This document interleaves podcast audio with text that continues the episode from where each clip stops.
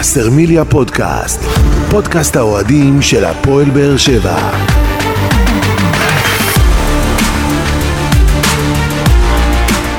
שלום לכם וברוכים הבאים לבשרמיליה פודקאסט, פרק 15 בסדרת פודקאסטים שמלווה את הפועל באר שבע לאורך העונה ותנסה להתמקד בנושאים שאתם, אוהדי הקבוצה, תעלו בפנינו בפלטפורמות השונות. גדעון אסולין, שלום. אהלן, ערב טוב. עוזי ניסים ישראל היום, שלום. ערב טוב. האיש שאחראי על הזרים הטכניים של אליניב ברדה, אבל אנחנו צוחקים פה, אותך, אה? אנחנו צוחקים פה, ו- וקרה לנו דבר ש- שהוריד אותנו לקרקע, הוריד לנו את. האנרגיות.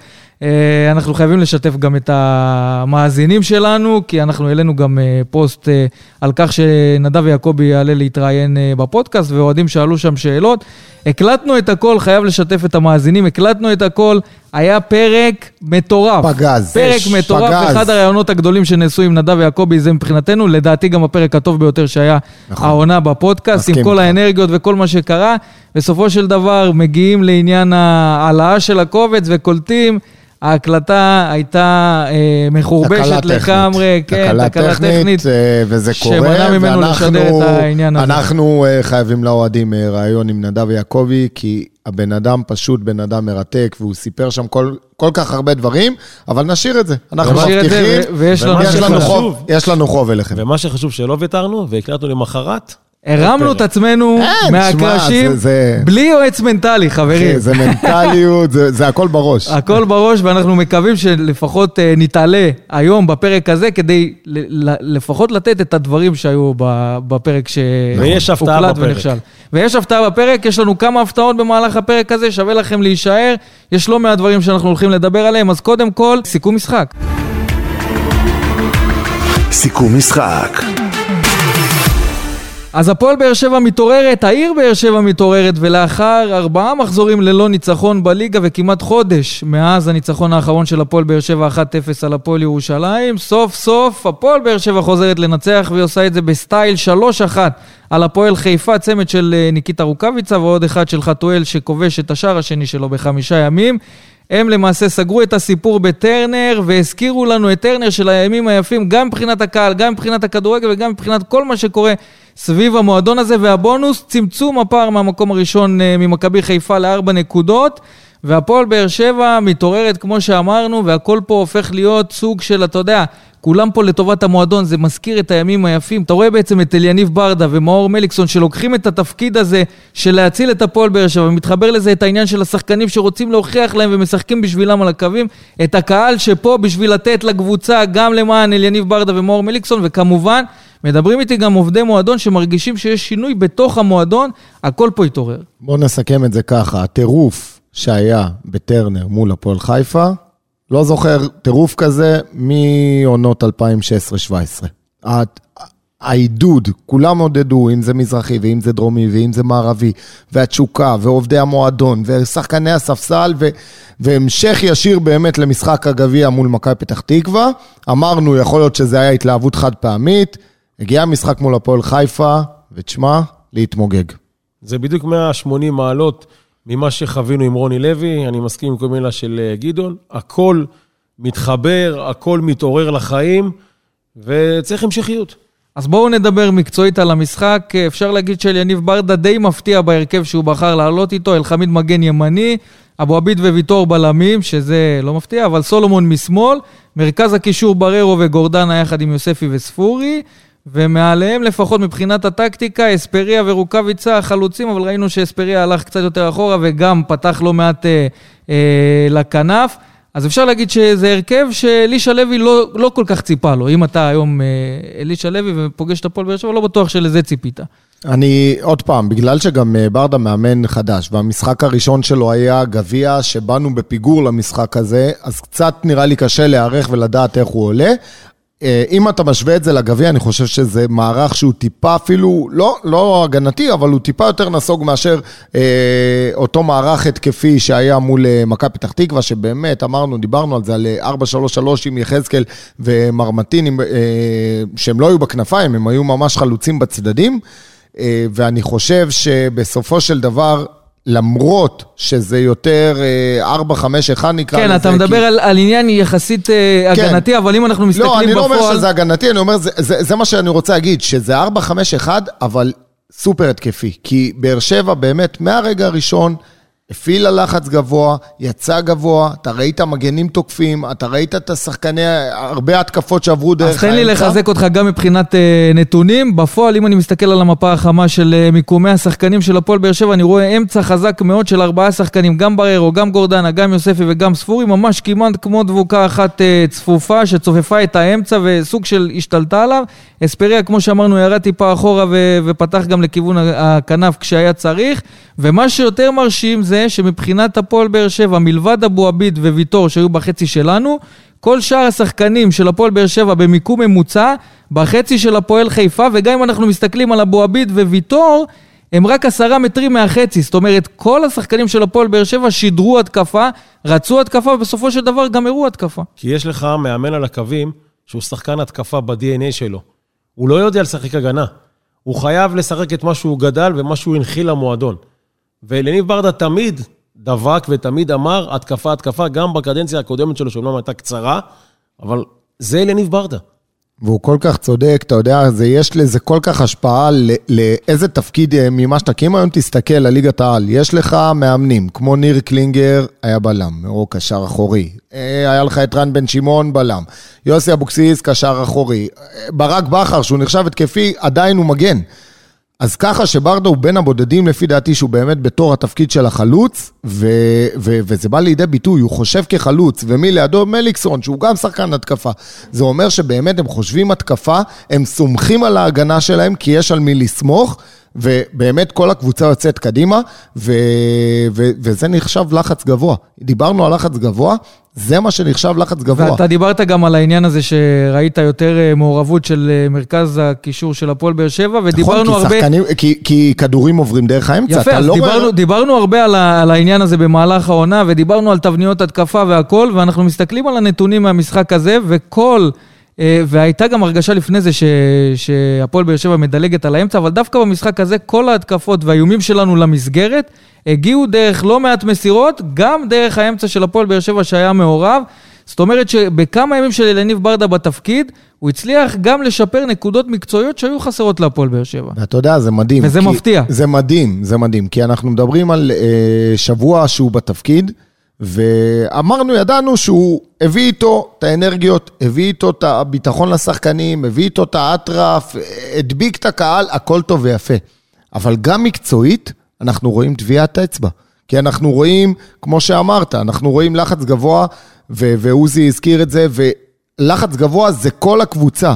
זה, זה מהחלוץ ועד הבלם, וצריך לעבוד על זה. אני לא יודע מתי הוא הספיק לעשות את זה, אבל הקבוצה עשתה את זה יפה בשני משחקים.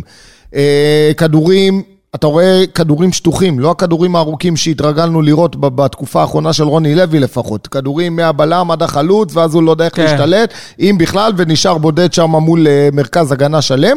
אז אה, כאן אנחנו רואים באמת בנייה של התקפות, אנחנו רואים הצטרפות, אנחנו רואים שילוב של אה, שחקני אגף, אנחנו רואים קרוסים, דברים שבאמת צריך לעבוד עליהם. אז במינימום זמן אתה קיבלת מקסימום תפוקה, ובאמת... ואתה יודע מה, הוא הבין את העניין של כמה שיותר אה, שחקנים בהתקפה, אתה יודע, הפועל באר שבע מרוויחה כדור, עד הצטרפות, עכשיו, אתה רואה מלא עד עכשיו לא ידעו מה הצטרפות, לעשות עם הכדור כשמרוויחים. אבל היום שחקן מרוויח כדור, מרים את הראש, רואה שתיים או שלוש אופציות מסירה, אז הוא יודע לאן לתת את הכדור, גם אם הוא לא עבד על תבניות התקפה, ולא היה הרבה זמן לעבוד על זה. אתה רואה עקיפות, אתה רואה בעיטות לשער, איומים למסגרת, באמת, כאילו אין, אה, אין, אין, אין מה להגיד, ואם, באמת. ואם גם שמתם לב, שהוא מיד אחרי שספגנו את ה-1-0, הוא שינה את המערך, הוא עבר ל-4-3-3, ריווח את האגפים, וישר האגפים נכנסו להיות פעילים יותר.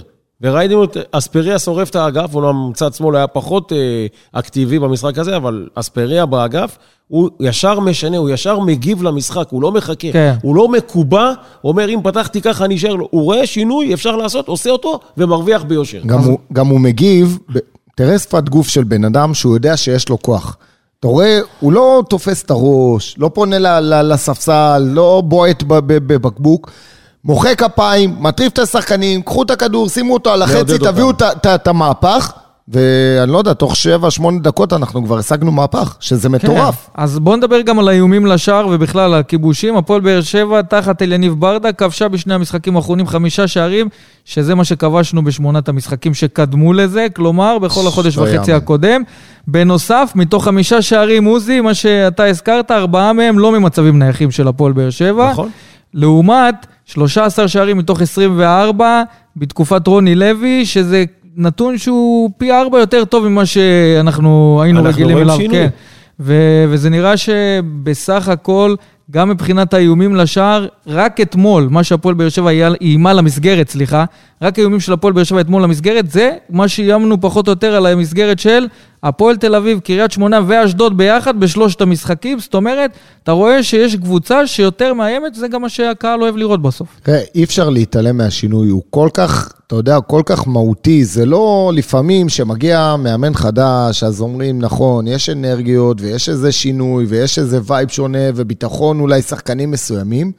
כאן, באמת, הוא הפריח את השממה, אתה רואה קבוצה ב-180 מעלות. אתה רואה משחק, אתה מדבר- באמת, הפועל חיפה, לפי דעתי, זה המשחק הכי טוב שלנו העונה. הכי נכון. טוב שלנו העונה. אתה מדבר על, הפריח. אתה מדבר על הפריח את השממה, העניין הבין-אישי הזה שהיה חסר לרוני לוי, אתה רואה את זה אצל אליניב ברדה בערימות. עכשיו, אליניב ברדה הפך להיות מאמן, אבל גם כשחקן, אליניב ברדה היה מנהיג. וגם כמאמן אפשר להגיד שאליניב ברדה מנהיג. זה או שאתה נולד עם זה, או שאתה לא נולד עם זה, מה לעשות? ולאליניב ברדה יש את זה, ואנחנו רואים שהשחקנים מעריכים אותו, אנחנו רואים שהשחקנים משחקים בשביל הצוות המקצועי, שזה גם אליניב ברדה וגם מאור מליקסון, יש הערכה גדולה, רואים את זה שם, אבל...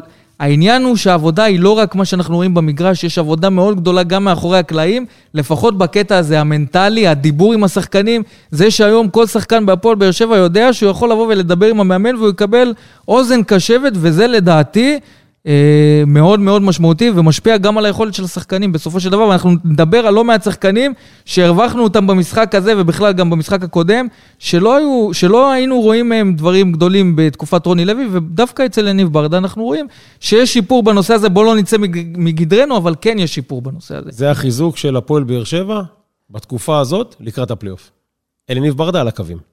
הוא וכמובן עם מאור מליקסון. אה, לא, שלא נשכח ממנו, הם צמד, הם עוזרים אחד לשני, הוא גם הם אמר כמה הוא משלימים אחד עוזר לו, לשני, וכמה הוא משלים לו, אותו, וכמה הם בדיוק. מתייעצים ביחד, וגם רואים את זה. רואים את זה ש- שמאור מליקסון פעיל, ו- ומייעץ לו, והם באמת בשיתוף פעולה, ולא אחד מרים את האף על השני, אז אה, יפה לראות את זה, ואתה יודע, מדהים אותי לראות שדיברנו אחרי ההפסד אחרי, על, אה, מול, נת, מול נתניה בבית, ואמרנו ש, שחייב לעשות שינוי, כאן ועכשיו חייב לעשות שינוי, ולא משנה מי נביא במקום רוני לוי, כי הוא פשוט איבד כבר ה- את הקבוצה, איבד את חדר ההלבשה, איבד את הקהל.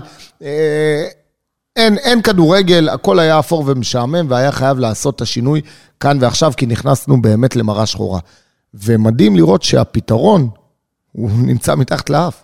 אתה מבין? דיברנו את זה, ככה זרקנו את זה אז בשידור, שאולי תיקח את ברדה ואת מליקסון, שבכלל אנחנו בראש כן. שלנו, שברדה לא יכול לאמן בגלל כל הבעיות הבריאותיות, אבל בסופו של דבר, אלונה באה ועושה את המהלך הזה בעיתוי שיכל גם לקבל הרבה ביקורות ויכל להיות רע, אבל בסופו של דבר, היא עושה את זה, והיא מחזירה את גיל לבנוני, ו- ויש כאן כמה שינויים קטנים גדולים. שהם גדולים מאוד. שזה בעצם חיזוקים, לא מבחינת השחקנים, אבל... אתה לא שינית שחקן כן, אחד, זה לא ינואר, זה לא תחילת עונה, זה. אמצע העונה, זה אותו כושר, כלום לא השתנה, רק טוב, בוא- בראש. בואו ניתן uh, במה באמת לכמה שחקנים שמגיע להם, שנפרגן להם. קודם כל, ניקיטה רוקאביצה כבש uh, צמד בשמונה דקות ומצליח להדליק את טרנר כבר אחרי השער הראשון, שמגיע אחרי פיגור שאנחנו סופגים, דקה אחרי כבר, אתה רואה שוב את טרנר נדלק והאווירה מתעוררת, וזה הזכיר באמת uh, את הימים היפים כמו שאמרנו. ודיברנו על זה שהוא לא בתקופה טובה, ניקיטה רוקאביצה, והשתיק אותנו במשחק האחרון. קודם כל, אה, מה זה השתיק אותנו? ניקיטה רוקאביצה, אני חושב, ותמיד אמרנו את זה, שהוא חלוץ, אני מבחינתי, הוא בין החלוצים היותר טובים שהיו בכדורגל הישראלי. באמת, אני תופס ממנו כל כך, אני חושב שהוא חלוץ אה, רחבה קלאסי, הוא לא צריך... אה, עשרה מצבים ולא 15 מצבים, השחקן הזה יודע מחצי מצ- מצב לעשות גול, וראינו גולים גדולים שלו, גם בתקופות בביתר ירושלים, מכבי חיפה, אבל גם בהפועל באר שבע הוא עשה גולים של חלוץ גדול, ואני כל כך שמח שהוא כאן, אני כל כך שמח על הצמד הזה, ואנחנו כל כך צריכים אותו בדיוק עכשיו לפני הוא הפלייאוף. חזר אחרי פציעה, אנחנו בל נשכח את זה. אנחנו מקבלים אותו טוב יותר, חזק יותר. יש איזה גם את ה... משהו שקצת מפריע ויושב, כל הנושא הזה של אוקראינה, המשפחה ועניינים, אבל אני יודע שהמועדון כן מחבק אותו, המועדון כן דואג לו לכל מה שצריך בנושא הזה, ואין לי ספק שכבר במשחק הקרוב, אה, ביום אה, ראשון, נגד נוף הגליל, אנחנו נראה אותו, ואנחנו נראה את רוקאביץ' לדעתי עוד יש לו משפחה שם, לא? כן. זה- כן. אז מי שעוד פורח, תחת אליניב ברדה, וגם נתן עקיצה של בוא תראה מה פספסת לרוני לוי, אחרי משחק הגביע זה רותם חתואל, כמו שאמרנו, שני שערים בחמישה ימים, נכנס בדקה ה-72, שבע דקות במגרש, וכובש את השלישי שלו. ש- מטורף, אחרי זה, מטורף. את השלישי שלנו, סליחה, ואחרי זה גם הגיע לעוד מצב שהוא ניסה ככה להקשיט מעל השוער, פספס בכמה מטרים, אבל uh, בסופו של דבר, תוספת uh, לא רעה להפועל באר שבע מבחינה התקפית, גם כשהוא עולה מהספסל.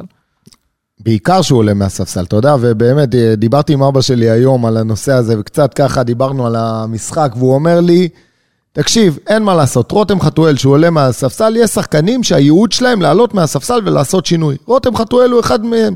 הוא, הוא, הוא עולה, כי ראינו אותו הרבה פעמים פותח, ולא יודע, לא בא לידי ביטוי. הולך ו- לאיבוד. הולך לאיבוד, ונכנס לקצב של הקבוצה ולתבנית של ההתקפה שדיברנו עליה, ודווקא כשהשחקני היריב קצת עייפים, והוא בא עם הטוטל פוטבול שלו, ולא הכי בטקטיקה, אבל עם המון טכניקה והמון תחכום והמון חוצפה, אז הוא מצליח לעשות את הדברים האלה, ותשמע, יש לו נתונים מדהימים, הוא עושה כאן גולים וגולים חשובים, ובהחלט, שחקן מאוד חשוב לקבוצה, לדעתי. ומבחינת האיש שלדעתי, כן, ולפי רכשים שאני שומע פה ושם, שהכי מרוצה מהשינוי הזה בעמדת המאמן, זה דור מיכה. וואו. נכנס כן, אתמול, ברור. וקצת וואו. יותר מ-45 דקות במשחק, ראינו כדורים שהזכירו את דור מיכה של התקופה היפה, השאיר שם כדור לתומר יוספי רק לתת את הגול, אבל אתה רואה אותו משחק עם יותר ביטחון, רואה שהוא באמת מרגיש יותר משוחרר ממה שראינו את דור מיכה במשחקים הקודמים, ודיברנו על זה שזה עניין של ביטחון, יכול להיות שאליניב ברדה ומאור מליקסון, השילוב הזה, כן יכולים לתרום לדור מיכה בלהרוויח אותו, ודיברנו על זה לאורך העונה, כמה אנחנו מצפים שנרוויח כחיזוק את האנשים שעוד לא ראינו מהם, שזה דור מיכה, ולפני שחזר מפציעה שגיב יחזקאל ויוג'ין אנסה, ולפחות מבחינת דור מיכה אנחנו אה, רואים התחלה של משהו, שאם יעבדו איתו נכון, ואני מאמין שאליניב ומאור הם שני שחקנים שיכולים לעשות, שני אנשים שיכולים לעשות את זה, ולגרום לכך שהפועל באר שבע תרוויח את דור מיכה. תקשיב, כל כך התרגשתי לראות את דור מיכה. אני, איך אמרת? חיכינו לזה עונה שלמה, והיה ניצוצות, והיה כדור פעם אחת ליחזקאל, והיה... אבל משהו קבע בדור מיכה. לא, לא עכשיו מאשים, ומיקי בא, ומה עשה. עובדתית, העלימו את השחקן הזה. אחד הכישרונות היותר גדולים שגדלו בכדורגל הישראלי בעשור האחרון, ו... ולא ראינו ממנו כלום. בא המשחק הזה, שהוא גם לא פתח בו, הוא בא, עלה קצת אחרי המחצית, כן, דקה 55. והזכיר את כל מה ששכחנו שדור מיכה יודע, והוא הרגיש חופשי, ושיחק שם, אה, בהתחלה הוא קצת עוד איכשהו שיחק באגפים, אחרי זה הוא נכנס יותר לאמצע, והיה קרוב, ובא לקח את הכדור, ונהיה בעל הבית באמצע, והטריף את הקהל, ובאמת, אני רק יכול לאחל לנו שדור מיכה ימשיך ב- ביכולת של המחצית הזאת, כי מבחינתי הוא חזר ל- לימים היפים של מכבי תל אביב. אם זה הניצוץ שראינו ב-45 דקות, אז בואו נפנטז מה, נ, מה נקבל ב-90 דקות, כי באמת, אנחנו מקבלים פה שחקן שכל מאמן היה רוצה אותו בסגל שלו, ואני בהחלט חושב שעם כיוון נכון של צמד המאמנים, אנחנו נקבל את דור מיכה שונה יותר, חזק יותר, טוב יותר, ובעיקר משפיע יותר. שזה מה אנחנו צריכים, זה המאני טיים של העונה עכשיו. והוא גם מעלה באינסטגרם שלו אחרי המשחק התחלה חדשה, אז אנחנו מצפים ומקווים יותר מזה, תקשיב, זאת תהיה התחלה חדשה של אם דור באר שבע. אם זה הרגשה אישית שלו והוא מעלה את זה, זה אומר שהוא גם רוצה להתפוצץ. ואתה ראית את זה, אתה ראית את ה... את הברק בעיניים שלו, שהקהל עודד אותו, כל טרנר עמד ומחא לו כפיים ועודד אותו, באמצע המשחק, אתה ראית את זה, אתה ראית את ה... כל כך תשוקה, הוא כל כך רוצה להצליח פה, ואני... דיברנו גם במשחק נגד מכבי פתח תקווה, שהתרשמנו איך השחקנים האלה פורחים, ודיברנו איך הביטחון פתאום חזר לגורדנה ויוספי והכל, ואמרנו, הפרויקט העיקרי כאן, זה כן. להחזיר את דור מיכה כן, לעניינים. כן, כן, זה מה שאמרנו ו- כל הזמן. ו- ו- ושוב אני חוזר על זה, זה מדהים אותי שהכל נעשה ב... אתה יודע, ב... מעכשיו, בכלום, מעכשיו, בכמה ימים מעכשיו של- לעכשיו. ימים. כן. אין תהליך. אתה יודע, רוקאביצה פתאום חוזר, וחתואל, ו...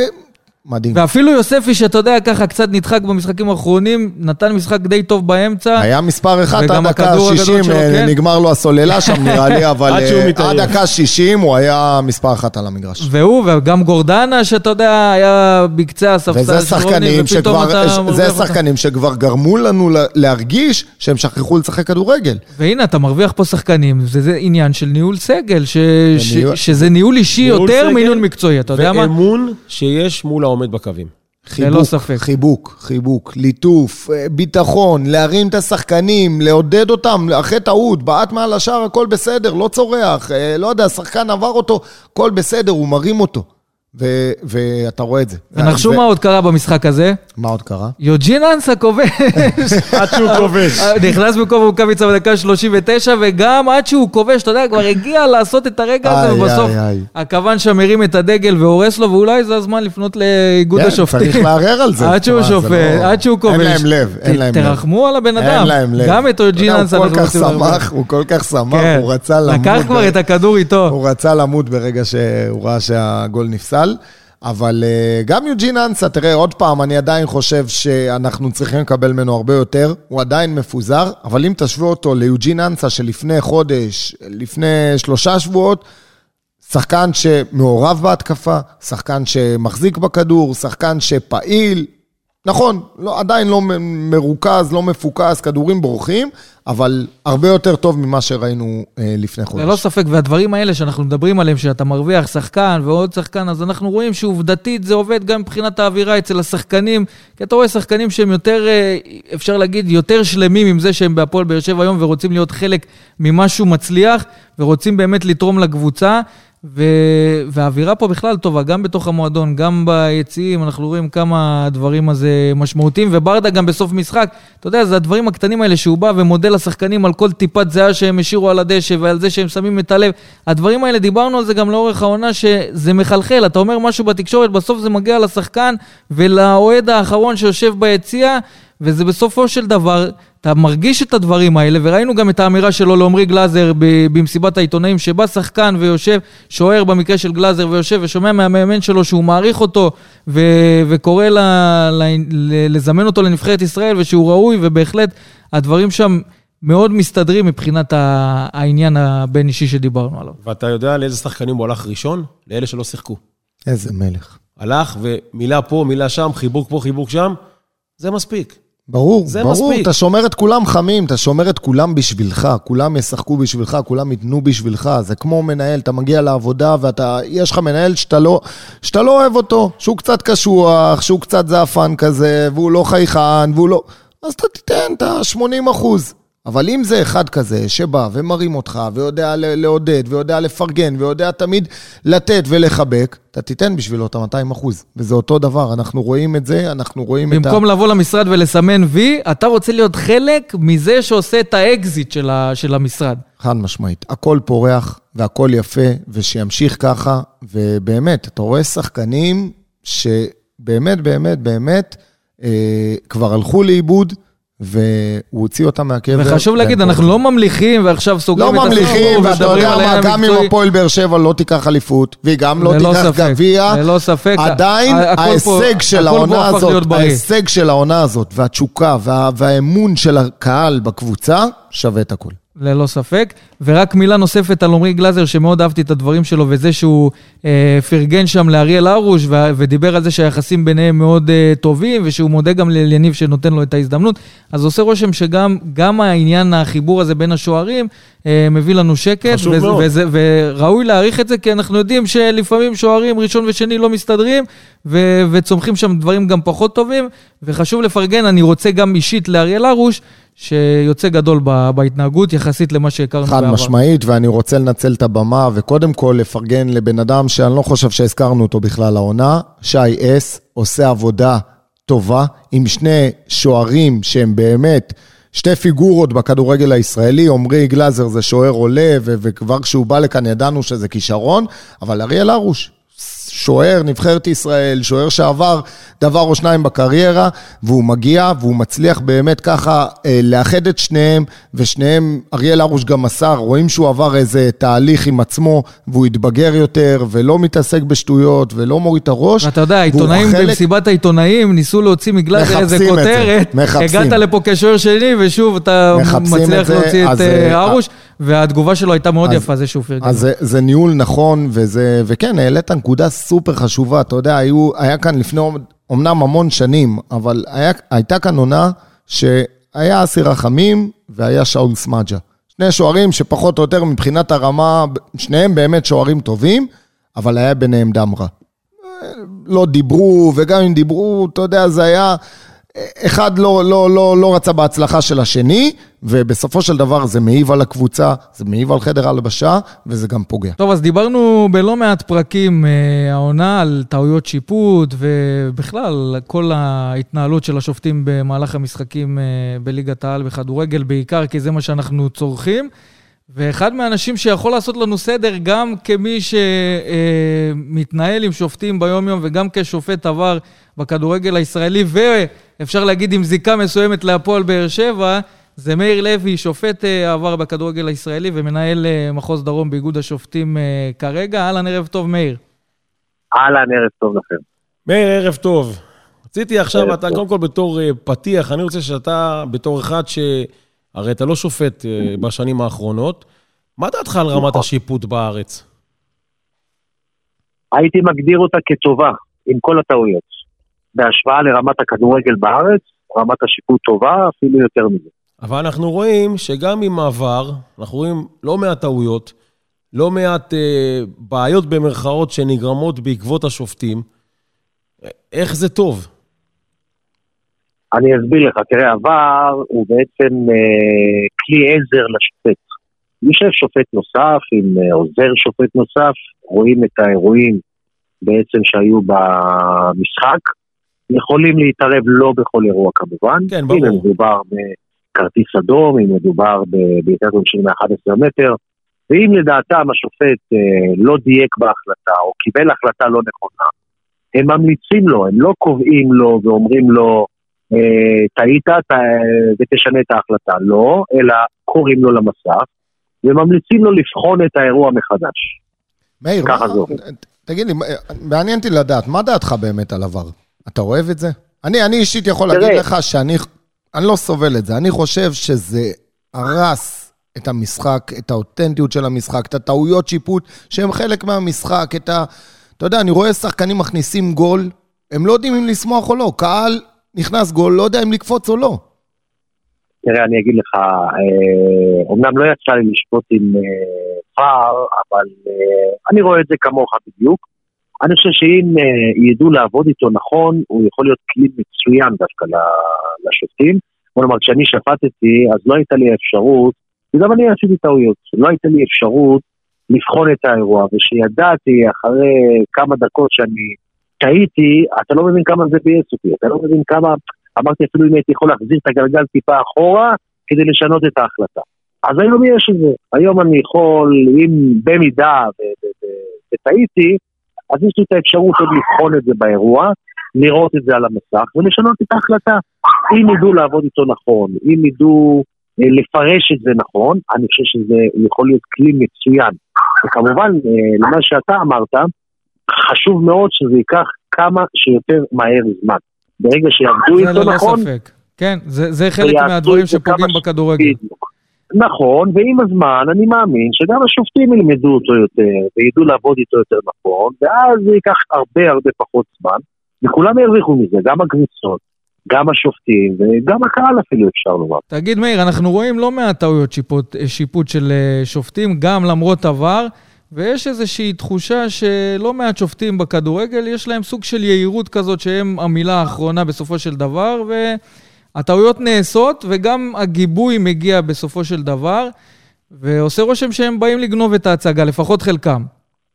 אז אני לא חושב כמוך, אני ההפך, תראה, אני חושב שאם אני לוקח את הסגל של השופטים בליגת העל, אני חושב שהחבר'ה אה, עובדים, אה, אפילו הייתי אומר, הרבה יותר מהתקופה שלי, אם זה מבחינה מקצועית, אם זה מבחינה מנטלית, אם זה פסיכולוג שעובד איתם, הם משקיעים המון, הם משקיעים המון. סתם אה, דוגמה, אם אנחנו היינו עושים שני אימונים בשבוע בתקופה שלי שוב פעם, אז היום הם ארבע אימונים ועוד אימון אה, בשפעים שהם עושים אה, פעם בשבוע כמרוכז. הם עובדים עם סימולציות, הם עובדים קשה מאוד. עכשיו, אתה חייב להבין שכל משחק ששופט משובץ זה גם כסף. וברגע שזה כסף, אף שופט לא רוצה להיכשל. כולם רוצים להצליח, לשפוט יותר, להרוויח יותר, ליהנות יותר. אני לא רואה שופט ש... שטועה בכוונה, או אני לא רואה שופט שרוצה לטעות. זה לא קיים. זה באמת לא קיים. לעניין היהירות אני לא מסכים איתך. אני, עוד פעם, אני חושב שהשופטים כל כך עסוקים בלהצליח, ככה שאני לא חושב שיש להם זמן אפילו ל... ליהירות. ואי אפשר לחבר את זה לטעויות, כי טעויות קורות, מה לעשות? טעויות קורות לא רק בארץ. אתה יודע, אחת הבעיות של הכדורגל הישראלי זה שהמשחק לא משוחק יותר מדי זמן. אנחנו רואים יותר מדי אה, כדור עומד, גם בגלל זיוף פציעות, גם בעניין השריקות לעבירות. והמשחק פה בארץ, יחסית למשחקים באירופה או בנבחרות, לא זורם. אז זה, נראה שזה כדורגל אחר. השאלה, אם זה עניין של גישה שיפוטית, כאילו לשרוק כמעט על כל עבירה ו, ובאמת לתת לשחקנים את האפשרות לשרוף זמן, או שזה משהו שצריך לשפר אותו באיגוד? אני דווקא הייתי מקשר את זה יותר לרמה של המשחק, לא ליכולת של השופט. כי מה לעשות, משחק בליגת העל, אתה לא יכול להשוות אותו למשחק בליגת האלופות או הליגה האירופית, שם המשחק רץ יותר, פחות uh, עצירות, פחות בזבוזי זמן, פחות uh, פציעות. בארץ זה נראה לך יותר, כי זו הרמה בעצם, זו הרמה בארץ. מאיר, זה לא בהשפעת השופטים, ממש לא. מאיר, אתה יודע, יצא לי לראות אותך שופט בלא מעט משחקים. שמאיר לוי על המגרש, יש כבוד למאיר לוי.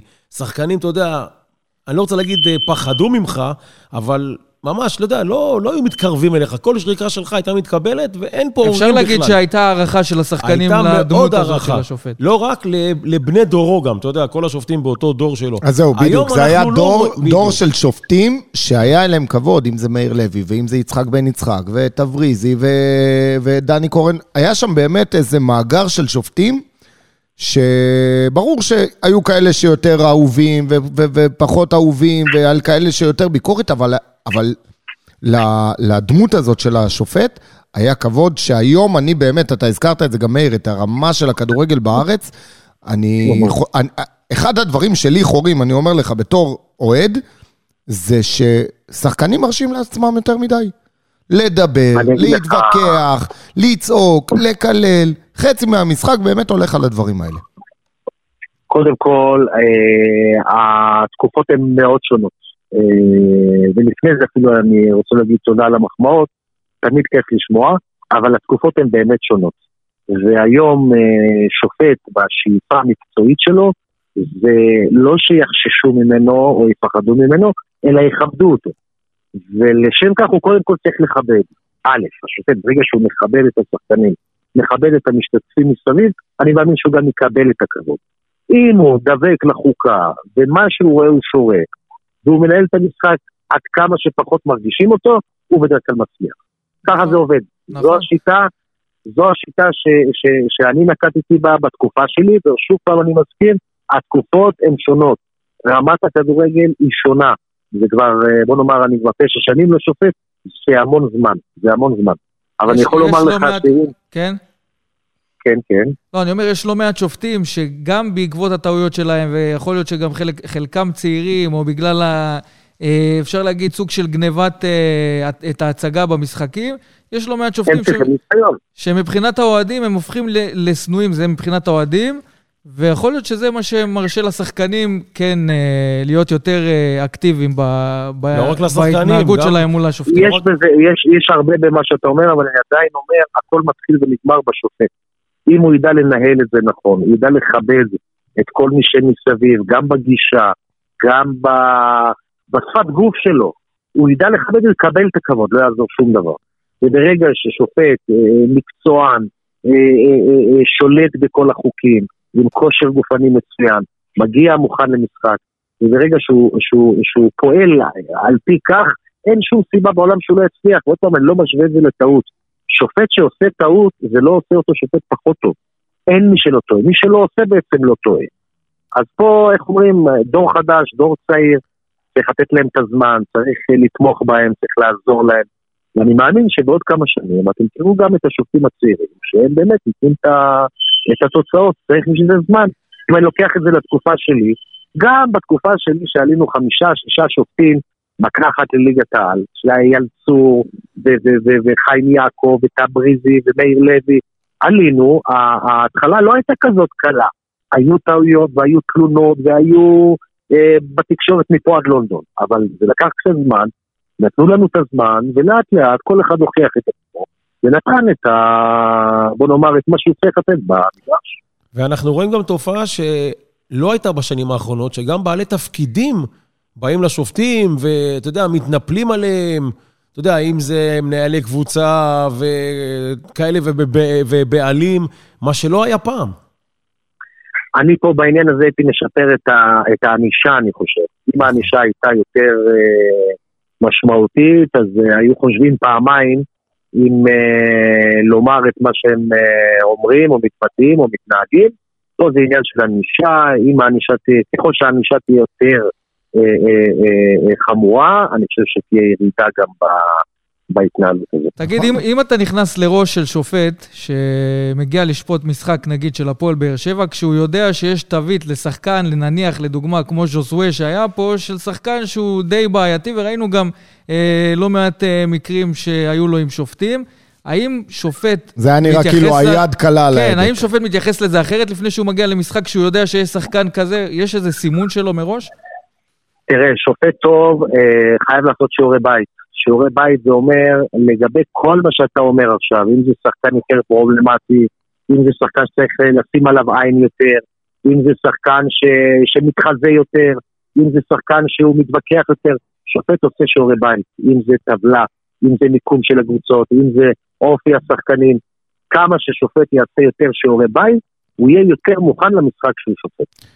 תראה, מצד אחד אני, זה נכון, וזה, וזה ראוי באמת לעשות שיעורי בית. השאלה מצד שני, זה לא תופס לך את הדעת, אתה מבין? כאילו... לא, מה, מה, מה, שאני, מה שאני לא. מנסה להגיד, נגיד סתם, אני אקח עכשיו דוגמה קרובה לליבנו, איתי שכטר, יודעים שהוא צולל. אוקיי. יודעים שהוא נופל, יודעים שהוא יודע לשחות פנדלים. אה, ו, והשאלה אם שופט כזה לא מגיע למשחק, אומר, תשמע, איתי שכטר נופל, 50 אחוז שאני לא אשרוק. התהפך העולם, אני לא שורק. למה? כי אני יודע שהוא לא בא לרמות אותי. לא קיים, לא קיים, כי אני אגיד לך, כי אם הוא יבוא בגישה כזו, ובאמת שכטר הוכשל, אז השופט אכל אותה. נכון, בגלל זה אני שואל. בגלל זה אני שואל. מה שכן, אה, יכול להיות מאוד, וגם צריך, שהשופט יהיה יותר ערני לגבי איקס אה, שחקן, שבקריירה שלו יש לו, בוא נאמר, אה, יותר התחזויות מאשר הכשלות. אבל לבוא בסטיגמה מראש ולהגיד, לא משנה מה יקרה, אני לא אשרוק, זה לא נכון לעשות את זה, זה לא מקצועי. ובסיכומו של עניין, השופט בעצם ירשום לעצמו טעות שהיא תבוא לחובתו, והוא מפסיד מזה. אז השופט הטוב, שמכין את עצמו נכון, שומר על יותר ערנות, בוא נאמר, בשחקן איקס. וזה בסדר, מה לעשות, ככה הוא יצליח יותר, אבל אם אותו שחקן איקס אה, שמונה פעמים אה, הוא עשה התחזות, ודווקא בפעם התשיעית הוא כן הוכשל. אז השופט לא ישרוק.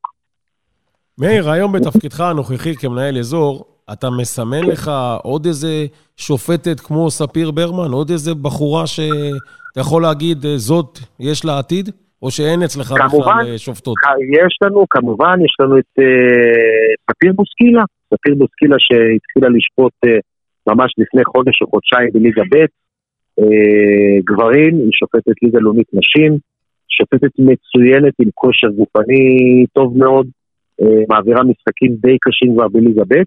אם היא תמשיך אה, באותו קו ותמשיך להתמיד ולהשקיע, אני רואה אותה גם מגיעה לליגות הבחירות. אז יש כל מי. שקוראים לה ספיר, ככה יש לה... כנראה, כנראה. מאיר, אתה, אתה כשופט לא יצא לך לשפוט משחקים של הפועל באר שבע, נכון? לא, לא יצא לי לשפוט את המשחקים. אה, לא כמו. כל שופט שהוא תושב העיר, אה, בעצם לא שופט את הקבוצה של העיר שלו, או אם אה, יש איזושהי קבוצה שהוא אוהד, הוא מחויב להצהיר בעצם על אה, אז האהדה אז שלו. זהו, לפני שנתייחס לזה, ברמה הנוכחית, כשאתה כבר לא שופט כדורגל פעיל, יש לך איזה קשר להפועל באר שבע היום? אתה עוקב אחרי הקבוצה, אפשר להגיד אוהד או משהו? הייתי אומר, הייתי מגדיר את עצמי כאוהד סמוי. בוא נאמר, היום אתה לא תמצא אותי, באמת, אתה לא תמצא אותי הולך לטרנר ורואה משחקים. אני יותר מעדיף לראות אה, משחקים בטלוויזיה, ועונה אה, לשאלות בוואטסאפים. ועולה לשאלות בוואטסאפים, ו- ו- ונהנה יותר, נכון להיום. אם תיקח אותי 10-15 שנה אחורנית, אז הייתי מגיע שעה לפני משחק, אה, גם כשאני בתור צופה.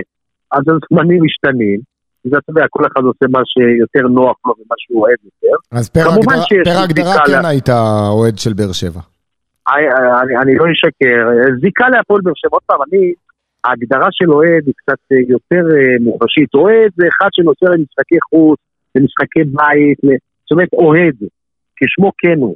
אה, אה, זיקה להפועל באר שבע כמובן שיש לי, אני נולדתי בעיר, אני גדלתי בעיר, זו קבוצה של העיר שלי, ואני די שמח שהיא מנצחת, זה כן, לא משקר. מה אתה חושב על העונה הזאת של באר שבע? אה, זה שהם מתמודדים מתחילת העונה עד היום לאליפות אה, במרחק נגיעה, אני חושב שזו עונה טובה מאוד פלוס. מאיר, שאלה ברמה האישית ותנסה לענות לי. יש שופט, אוקיי. יש שופט צעיר בליגת העל. אתה מכיר כן. אותו, אתה גידלת אותו. מי יותר טוב היום? כשאתה מסתכל עליך בתקופה של הוותק שהוא היום נמצא, ואני מדבר על הבן שלך, על שניר לוי. מי יותר טוב היום? אני אגיד לך, אה, אה, זה לא נכון להגיד מי יותר טוב, התקופות הן מאוד מאוד שונות. אני יכול להגיד לך שהיום הוא עובד הרבה יותר קשה ממני, הוא משקיע הרבה יותר ממני. והוא די אה, צעיר, כמו שציינת, בליגת העל. אני מאמין שבעוד כמה שנים טובות הוא יהיה הרבה יותר טוב ממאיר לוי, כי ההשקעה היום היא לא מה שהייתה פעם. הדרישות של היום זה לא מהדרישות של פעם. ממש ככה, אני אומר לך, היום הדרישות לשפוט בליגת העל לא קל בכלל.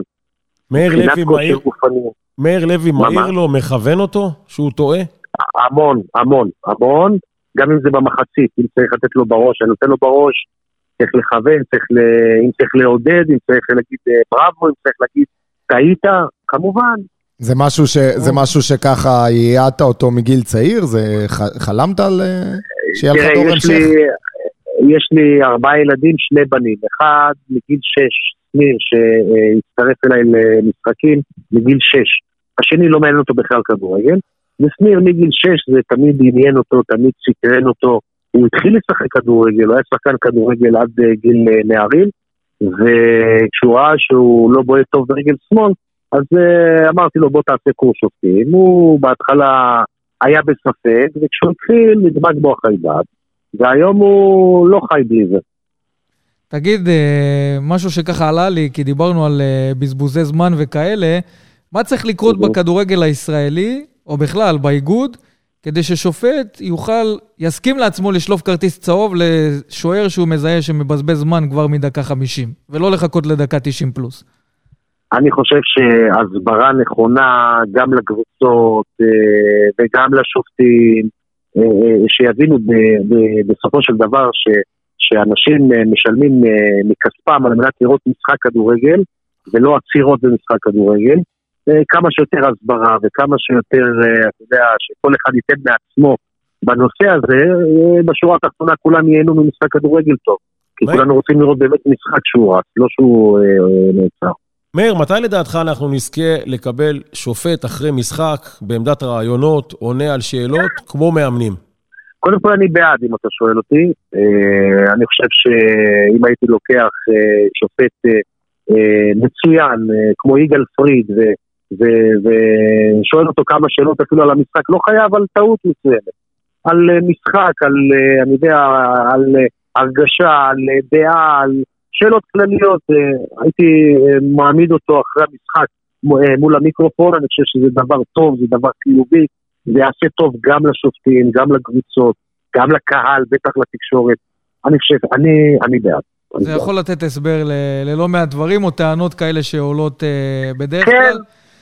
כן, אני חושב שזה יעשה טוב, זה, זה יקצר את ההליך של הכעס ושל הפרשנות ושל ה- הסימני שאלה. אני חושב עוד פעם, אם שואלים אותי, באמת שאני בעד ששופט מסיים משחק, ישתה כוס מים, ינוח כמה דקות, יחזיר דופק ויענה לשאלות. יאללה, אני אז, לא אז רואה- אני, אני מקווה ש, שישמעו את זה ובאמת יקדמו את, ה, את המהלך הזה. מאיר לוי, שופט העבר ומנהל אה, מחוז דרום באיגוד, תודה רבה שהיית איתנו. תודה, תודה, מאיר. תודה לכם.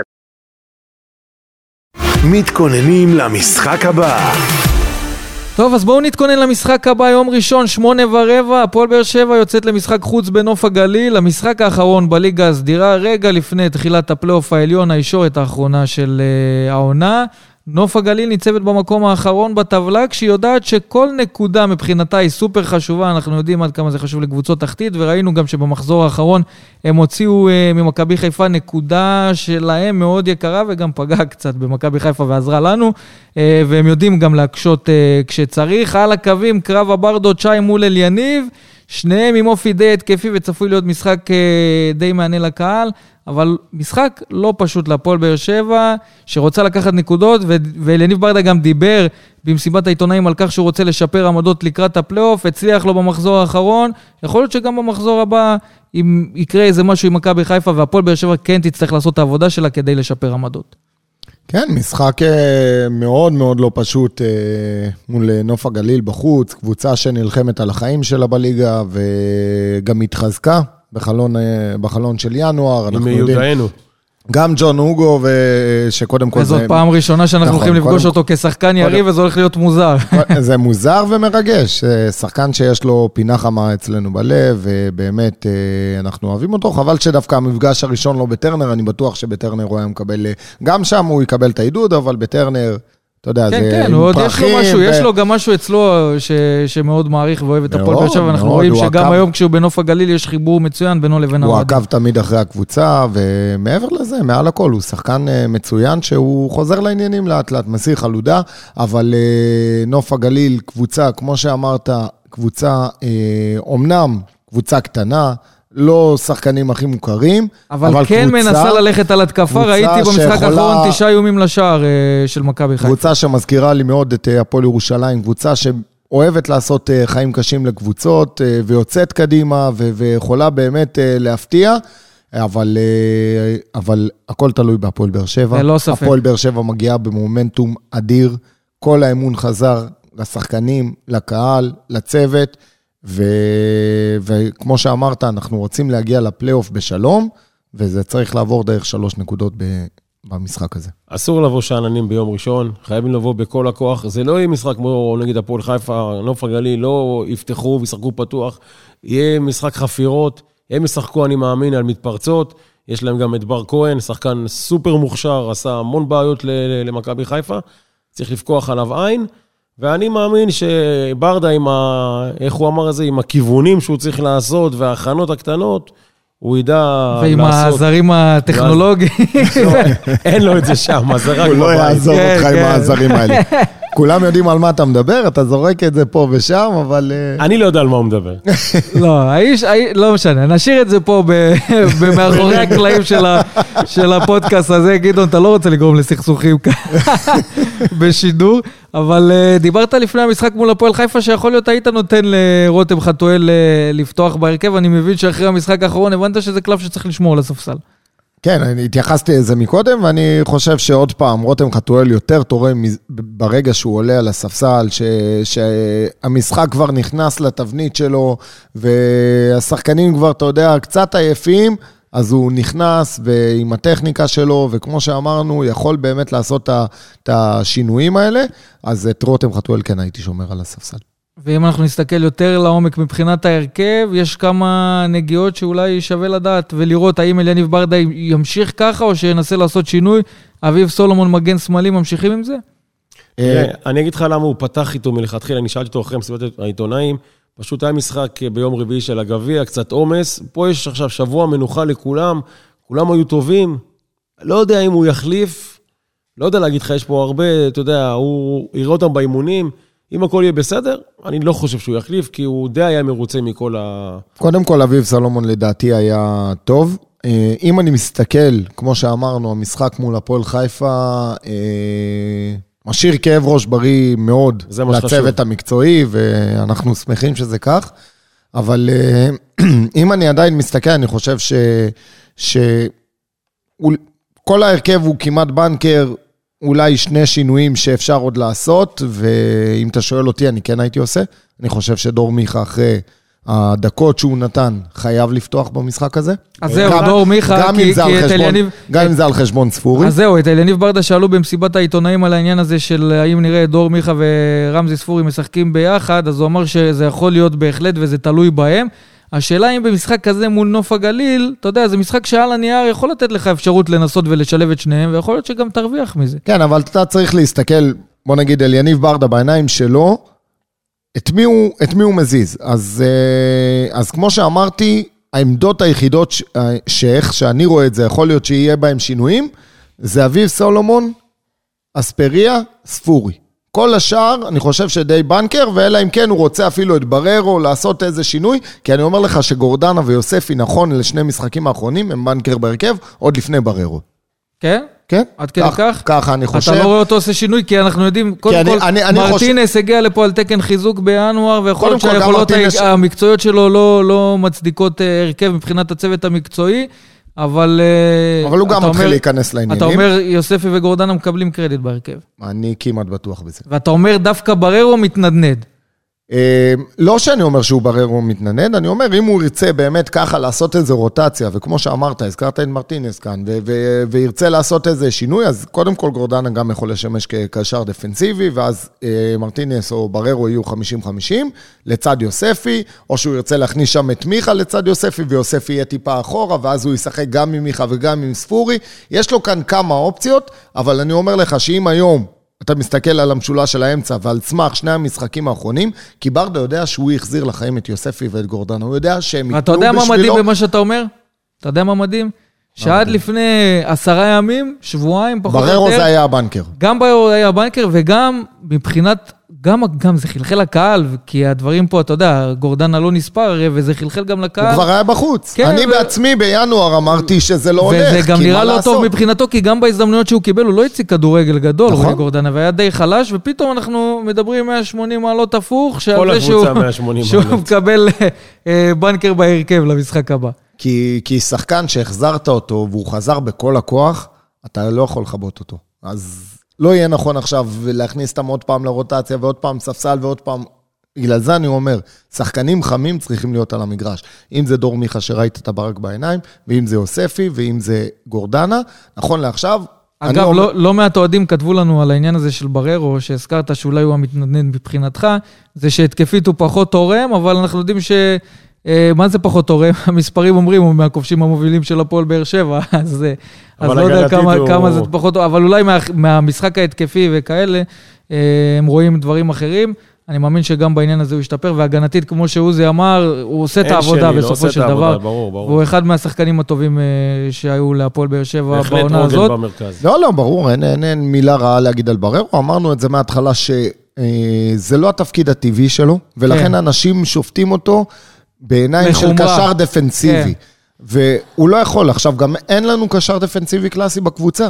אין לנו, אז אמרתי לך, אולי, נכון לעכשיו, אולי רק גורדנה יכול באמת להיות במקומו, או קלטינס, אבל זה כאלה, אתה יודע, זה אלתורים, זה לא שחקן שהתרגלנו לראות. היה והזכרת לנו- פה את קלטינס, הרמת לי פה להנחתה. אתה- אנחנו מדברים על שחקנים וכאלה, וקלטינס, גם כשהוא לא משחק, וראינו אותו גם מעלה סטורי אה, מהיציאה, פרגון לחברים, וזה מדהים בעיניי לראות, לראות את הדבר הזה. זה אמרתי לך, שחקן... השחקן הכי זה מקצוען שחקן ש- בקבוצה זה בדיוק, דיוויד קלטינס. אתה מר- מרוויח אותו, מקצוען. וכשאתה צריך אותו לסגור פינה, אז הוא שם לתת את, את אתה מה מקבל שצריך. אותו ב-100%, לא משנה כמה הוא שיחק לפני או לא שיחק לפני. אפס אגו. לא, לא. סתם, לא סתם אהבו אותו בביתר כל כך, למרות שהיה לידו כוכבים הרבה יותר גדולים ממנו. כן, אבל אני לא מדבר הוא- על, על הבחינה המקצועית, אני מדבר על, על כבן אדם. שחקן שצריך להיות מוערך ב, ב, בחברה שלו, שמאוד זה אה, שחקן שתמיד לויאלי יקרא למועדון. לדגל, תמיד לא יעשה פרצופים, יתאמן בצורה הכי מקצועית שיש, יחיה את החיים שלו כמקצוען, ובאמת, אמרתי, אני שמח שהוא חלק מהסגל של הקבוצה. טוב, אז בואו אה, נדבר על כמה נושאים אה, רק אה, לפני סיום. ככה, קודם כל, אנחנו צריכים להגיד שהכל פה היה סגור סביב זה שרן בן שמעון הולך להיות אולי המאמן הבא של הפועל באר שבע, וכבר דובר על זה, וכבר אמרו שזה המאמן ושלום על ישראל, וזה, וזה מה שיקרה, אבל במועדון אה, מעבירים לנו מסרים שרן בן שמעון, שמחזיק בחוזה לשלוש עונות במ"ס אשדוד, כרגע לא מועמד להגיע לאמן את הפועל באר שבע, גם בעונה הבאה. יהיה מעניין לראות אם, אה, אם זה יקרה, כי אנחנו יודעים שהיו דיבורים והיה רצון של אלונה, אבל היום המסרים הם אחרים. אגב, שמענו גם את uh, גיא פרימור בהגרלת uh, uh, חצי גמר הגביע אתמול, שהוא מדבר על זה ורומז שאליניב ברדה עדיין לא אמר שהוא לא רוצה לאמן את הפועל באר שבע, ש... ושמענו גם את אליניב ברדה אומר במסיבת העיתונאים שהוא עוד חוקר את הנושא הזה, ומה שהוא עוד רמז שם, זה ש... הוא לא המאמן הזמני של הפועל באר שבע, אליניב ברדה. זאת אומרת שיכול להיות, מאוד, שיכול להיות שהדברים מאוד. שם לא נסגרו, והוא משאיר את הדברים די פתוחים, שהכל יכול לקרות בהמשך, ואני חושב שזה דווקא די טוב. ואגב, אני רוצה להגיד לך, שמבחינה בריאותית, אם אליניב ברדה יכול לאמן את הפועל באר שבע, קודם כל עד סוף העונה צריך לתת לו. ברור, ו- וזה ברור. חשוב מאוד שהמועדון עשה את זה, ויכול להיות שגם בהמשך, בוא נראה איך העונה הזאת תתקדם. אני אמרתי שלא משנה, קודם כל, כמו שאמרת, בריאותית, כי יש כאן באמת איזה אישו מאוד מאוד חשוב, ויכול להכריע לכאן או לכאן, אבל אם בריאותית, הוא ירגיש בסדר ויקבל את האישור והכל יהיה בסדר, סוף העונה, אני חושב שהכל יהיה תלוי באליניב ברדה.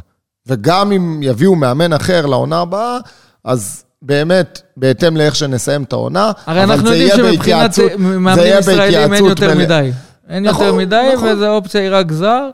ובוא נראה מה... אבל בוא נראה איך נסיים כן, את העונה הזאת, ואז נהיה אנחנו לא צריכים לחגוג מוקדם מדי, ויכול להיות שגם יהיו גם עוד הפסדים של הפועל באר שבע. יכול להיות, מה זה יכול להיות? בטוח, אתה כן. נכנס לפלייאוף שזה... כולם יפסידו, זה ברור. זה הולך להיות פלייאוף לא פשוט בכלל. 11 גמרי גביע ועוד חצי גמר מול מכבי תל אביב, שזה לא קשור, אבל 11 גמרי גביע, שכל משחק הוא באמת מלחמת עולם, ו... ויהיה קשה, מה, אין, אין ספק שנאבד נקודות בדרך, אבל... אז הזכרת גם, גמרים? גם היריבות שלנו יאבדו. הזכרת גמרים, בואו נדבר קצת uh, על הגרלת uh, חצי גמר גביע המדינה בכדורגל. הפועל באר שבע הוגרלה מול מכבי תל אביב, ו... נכון לרגע זה המשחק אה, לפחות צפוי להתקיים ב-19-20 לאפריל, והתקיים בבלומפילד, למרות כל הניסיונות ביזיון. שראינו... זה ביזיון. לא, לא, אבל אנחנו עוד לא יודעים, כי מכבי חיפה, הפועל חיפה רוצים לשחק בסמי עופר, ואז אם זה יקרה, בהפועל באר שבע לא יישארו אה, מקופחים, וכבר פנו להתאחדות שאם הדבר כן, הזה כאילו קורה, זה... אז להעביר את המשחק לטדי החלטה... כדי שיהיה שוויון. יש החלטה בהתאחדות שאמורה לקבל ממש גושפנקה, גושפנקה בימים הקרובים. שבעקבות המכתבים ששלחו כל הקבוצות, שהציוות יישאר בבלומפילד, איך שהוחלט מלכתחילה, אז המשחקים מיועדים נכון להיום להיות בבלומפילד ב-19 וב-20 לאפריל. חול המועד פסח, שזה גם מתאים לאוהדים. אבל בסיטואציה ש, ש, שדיברת עליה כאן, שמכבי חיפה והפועל חיפה רוצים לשחק בסמי עופר, ומכבי תל אביב מארחת אותנו בבלומפילד, נוצר מצב שרק אנחנו משחקים כן. משחק חוץ. וזה חצי גמר גביע, אז שמישהו שם יתעורר, ויעבירו את המשחקים לטדי, שיהיה מגרש נוטרלי, למה לא נערך את זה? אבל עוזי פה אומר שזה בבלומפילד וזהו. אתה יודע מה העניין של טרנר, שהם אפילו לא חושבים עליו כאופציה לארח חצי גמר גמר, רק בגלל עניין הכרטיסים. יש לך 16 אלף מקומות. אבל אם אתה התאחדות לכדורגל שרוצה להנגיש את הכדורגל לכל קצוות הארץ ולפריפריה ודברים כאלה, אז לא יקרה כלום ולא יאמרו את העולם. אם יעשו, ראינו איזה משחקים של הנבחרת, הם מביאים לאצטדיון טרנר, ואתה יודע, שחקנים שיחקו באצטדיון טרנר, שחקני נבחרת, ואמרו ש... אמרו שעדיף פה, גם המאמן אמר את זה. אתה מבין? אז נכון, נכון. למה לא להביא לפה פעם אחת נבחרת גדולה? למה לא לנסות להביא חצי גמר, גם אם זאת לא הפועל באר שבע שצריך, יודע? כסף, כסף, כסף. כסף מנהל את הכל בסופו לא, של דבר. קודם כל אפשר להבין את הנושא הכספי, אפשר להבין, כי אם אתה מדבר על 30 אלף או על 16 אלף, זה משמעותית. אבל למה לא טדי? עיר בירה של, ה... של מדינת ישראל. טדי מיועד הגמר להיות. ביתר, ביתר ירושלים לא בתמונה, ככה שבאמת גם אין איזה... זה. תעבירו. כרגע לפחות כמו שהוא אומר, זה בבלומפילד. ויותר מזה, אפשר לעשות חצי גמר כפול, כמו שהיה בעבר. זה תצוגה כפולה, מדהים. אבל מה שכן, הגרלה מאוד מפתיעה. אתה יודע, ציפינו לקבל או את מכבי תל אביב או את מכבי תל אביב, בסוף הפתעה מרעישה, גדעון, את מי קיבלנו? אה, אתה מזל מבין מה נאחס. קורה? חגית אבל- המנכסת נראה לי מרימה שם כן, את זה היה הכדורים. צפוי מראש, אחי, אני לא יודע מה קרה שם, וגם שמענו את גיא פרימור. אבל ש- את האמת שכל שלא הייתה העדפה, ובסוף במשחק אחד הכל יכול לקרות, וגם זה עוד אה, די רחוק, אתה יודע, אנחנו מדברים על אה, כמעט חודש אה, וחצי קדימה, והכל יכול לקרות גם עד שאנחנו ניפגש למשחק הזה. אבל במשחק אחד הכל יכול לקרות, ו...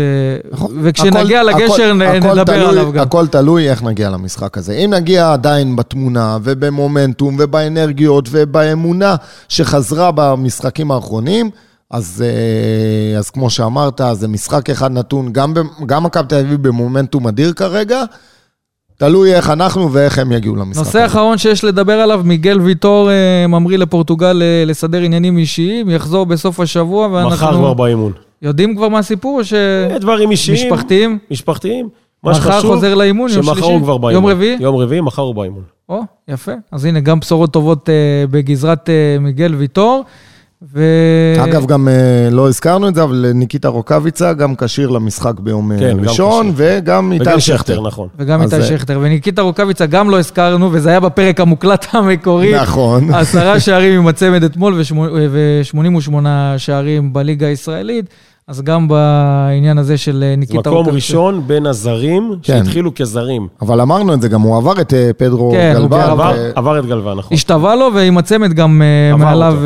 בשני שערים, אבל אם כבר הלך לנו פרק אחד בגלל עניינים טכניים, אז בואו לפחות נסיים את הפרק הזה עם איזו הפתעה משמחת לרגל אה, יום האישה. נעשה את זה ככה ב- בספונטני, לא תיאמנו עם- אף אחד מראש, פשוט נחייג, יאללה. וזאת תהיה גם הפתעה למאזינים, ומה שיצא, יצא. בואו נבחר אישה אחת. קדימה.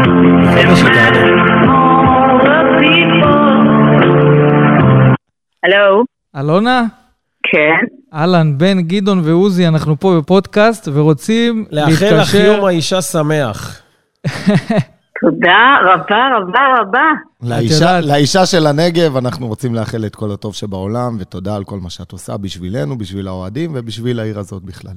תודה ותודה לכם, ושאמן שנזכה לבריאות טובה, לחיוכים, לשמחה וליהנות. זה הכי חשוב, שנהנה. את יודעת, אנחנו, אה, גם האוהדים וגם כולם, אנחנו רואים את התגובות ברשתות. מבחינת אוהדי הפועל באר שבע, ואני חושב גם בכדורגל הישראלי באופן כללי, את חלוצה בתחום, בענף שבאמת מלא גברים, והצלחת אה, להראות ללא מעט גברים איך אישה מצליחה לנהל מועדון בכדורגל הישראלי, ולהצליח אפילו מגברים שהם שנים בכדורגל. אז ההערכה היא גדולה גם ממה שעשית עם הפועל באר שבע, ובאופן כללי, כל מה שאת עושה לנשים שמסתכלות עלייך כמודל, שאפשר להגיד מודל לחיקוי ודוגמה לנשים השראה. שרוצות להצליח, ואנחנו ללא ספק אה, זכינו בבעלים, אחת כזאת שיודעת להוביל ולהנהיג, וכל התודות על זה. א', תודה לכם, ושתיים, אני חושבת שזה מסר חשוב לכולם, שילכו אחרי החלומות שלהם, שיתעקשו, שלא יוותרו, ובעזרת השם הם גם יצליחו. ללא ספק. אלונה, רבה. תודה רבה, ותחגגי תודה למשפחה. כמו שאת עושה. תודה. תמיד. תודה. תודה מתוקים. תודה, ביי ביי. טוב, אז הצלחנו להפתיע את אלונה ברקת, האמת ש... שמע, היא התרגשה. כן, חבל התרגשה. גם. אנחנו התרגשנו, אתה יודע, לא היה צפוי, אמרנו בוא היה נלך על זה. ספונטני כן. ויפה, ישר כוח. בוא נלך על זה, אבל צריך גם לפרגן אה, לאלונה ברקת, שעשתה. לא מעט דברים. יפים בהפועל באר שבע, וצריך לדעת להעריך, ואפשר להגיד שאנחנו משתדלים אה, לעשות את זה כשצריך וכשיש הזדמנות, ואין כמו יום האישה לפרגן לאישה שמבחינתנו עשתה דברים אה, מאוד טובים פה לעיר ולכל האזור ולכל מי שאוהד את הפועל באר שבע. ואיך השלט התנוסס בדרומי, הדרום מתעורר לחיים. אז אה, אז זהו, הכל פה מתעורר, יאללה, יאללה, אנחנו, אנחנו במומנטום טוב. עד אנרגיות. כאן הפרק החמישה עשר של אה, וסרמיליה פודקאסט, תודה רבה לגדעון אסולין, תודה רבה לכם. תודה רבה לעוזי ניסים ישראל היום, תודה רבה. והאיש שאחראי על הזרים הטכניים של יניב לא ברדה. יעזוב אותי. לא יעזוב, אבל מבטיח, זה בפעם האחרונה שזה קורה. אנחנו נשתמע בפרק הבא. וסרמיליה פודקאסט, פודקאסט האוהדים של הפועל באר שבע.